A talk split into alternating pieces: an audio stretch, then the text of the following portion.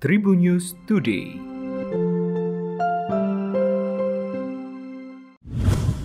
Halo Tribuners, berjumpa kembali bersama Hakim di Tribun News Today dan Hakim akan berbagi informasi menarik hari ini mulai dari informasi nasional, internasional, selebritis dan juga olahraga. Informasi pertama, masyarakat diminta tidak panik dengan adanya wabah penyakit mulut dan kuku atau PMK hewan ternak. Pasalnya penyakit tersebut tak berbahaya bagi manusia. Karo Penmas Divisi Humas Polri Brigjen Pol Ahmad Ramadan menyampaikan, pihaknya telah meminta jajaran aktif sosialisasi kepada masyarakat agar tidak terjadi sebuah kepanikan. Ramadan menuturkan bahwa hewan ternak yang terinfeksi PMK masih bisa disembuhkan. Pemerintah juga telah menyediakan obat-obatan untuk mengobati hewan tersebut. Sebaliknya kata dia pihaknya juga berencana bakal memusnahkan hewan ternak yang tidak bisa lagi diselamatkan karena terinfeksi virus PMK. Hal itu bertujuan untuk menutup penyebaran wabah PMK semakin meluas. Informasi kedua, Korea Utara melaporkan kasus COVID-19 pertama di negaranya. Kim Jong-un pun menyerukan adanya lockdown secara menyeluruh. Ia dan para pejabatnya juga tampak mengenakan masker. Lebih dari dua tahun Korea Utara mengklaim negaranya tidak terinfeksi virus COVID-19 pada Kamis 12 Mei 2022 kemarin. Kantor Berita Pusat Korea KCNA mengatakan, tes sampel yang dikumpulkan pada hari Minggu dari sejumlah orang yang demam di ibu kota Pyongyang terkonfirmasi bahwa mereka terinfeksi COVID-19 varian Omicron.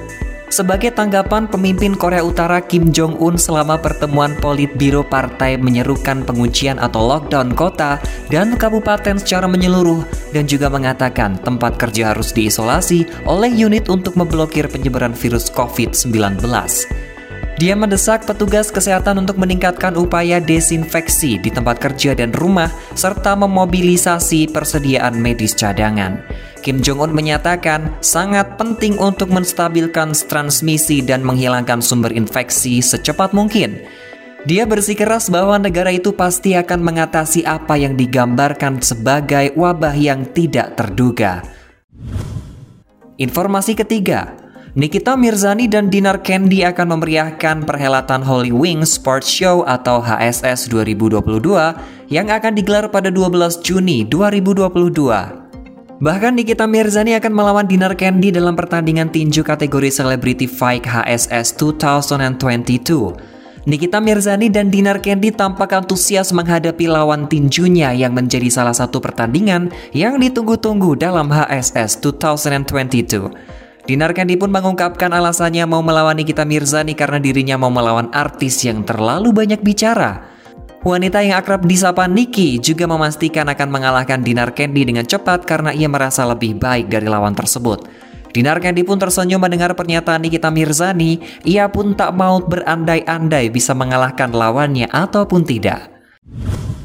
Informasi terakhir, Timnas Indonesia U23 akan kembali turun berlaga di ajang SEA Games 2022. Kali ini Garuda Muda menjajal kemampuan Filipina pada match day ketiga mereka. Indonesia membutuhkan kemenangan dalam laga ini. Pasalnya dari dua laga yang sudah dilakoni tim asuhan Sintayong ini baru merengkuh tiga angka. Belum lagi menghitung selisih gol timnas yang tak memihak pada kepentingan tim. Di luar itu ada satu sorotan yang sejatinya cukup tajam mengarah kepada Garuda Muda. Apakah para pemain dalam kondisi kurang ideal jelang laga tersebut? Spekulasi ini muncul setelah pelatih Sintayong membeberkan kondisi tim asuhnya. Menurutnya berakhirnya kompetisi Liga 1 beberapa waktu yang lalu ikut andil pada kondisi tim ini. Sintayong menilai para pemain mengalami kondisi yang cukup drop. Oleh karena itu mereka tidak lagi berkompetisi di level tertinggi dalam beberapa saat ke depan. Demikian buat informasi terupdate hari ini dan jangan lupa untuk terus mendengarkan Tribunnews Today hanya di Spotify Tribunnews Podcast dan juga YouTube tribunnews.com. Tetap patuhi protokol kesehatan 3M dengan memakai masker, mencuci tangan, dan menjaga jarak atau menjauhi kerumunan. Saya Hakim pamit, salam sehat untuk semua, sampai jumpa. Tribun News Today.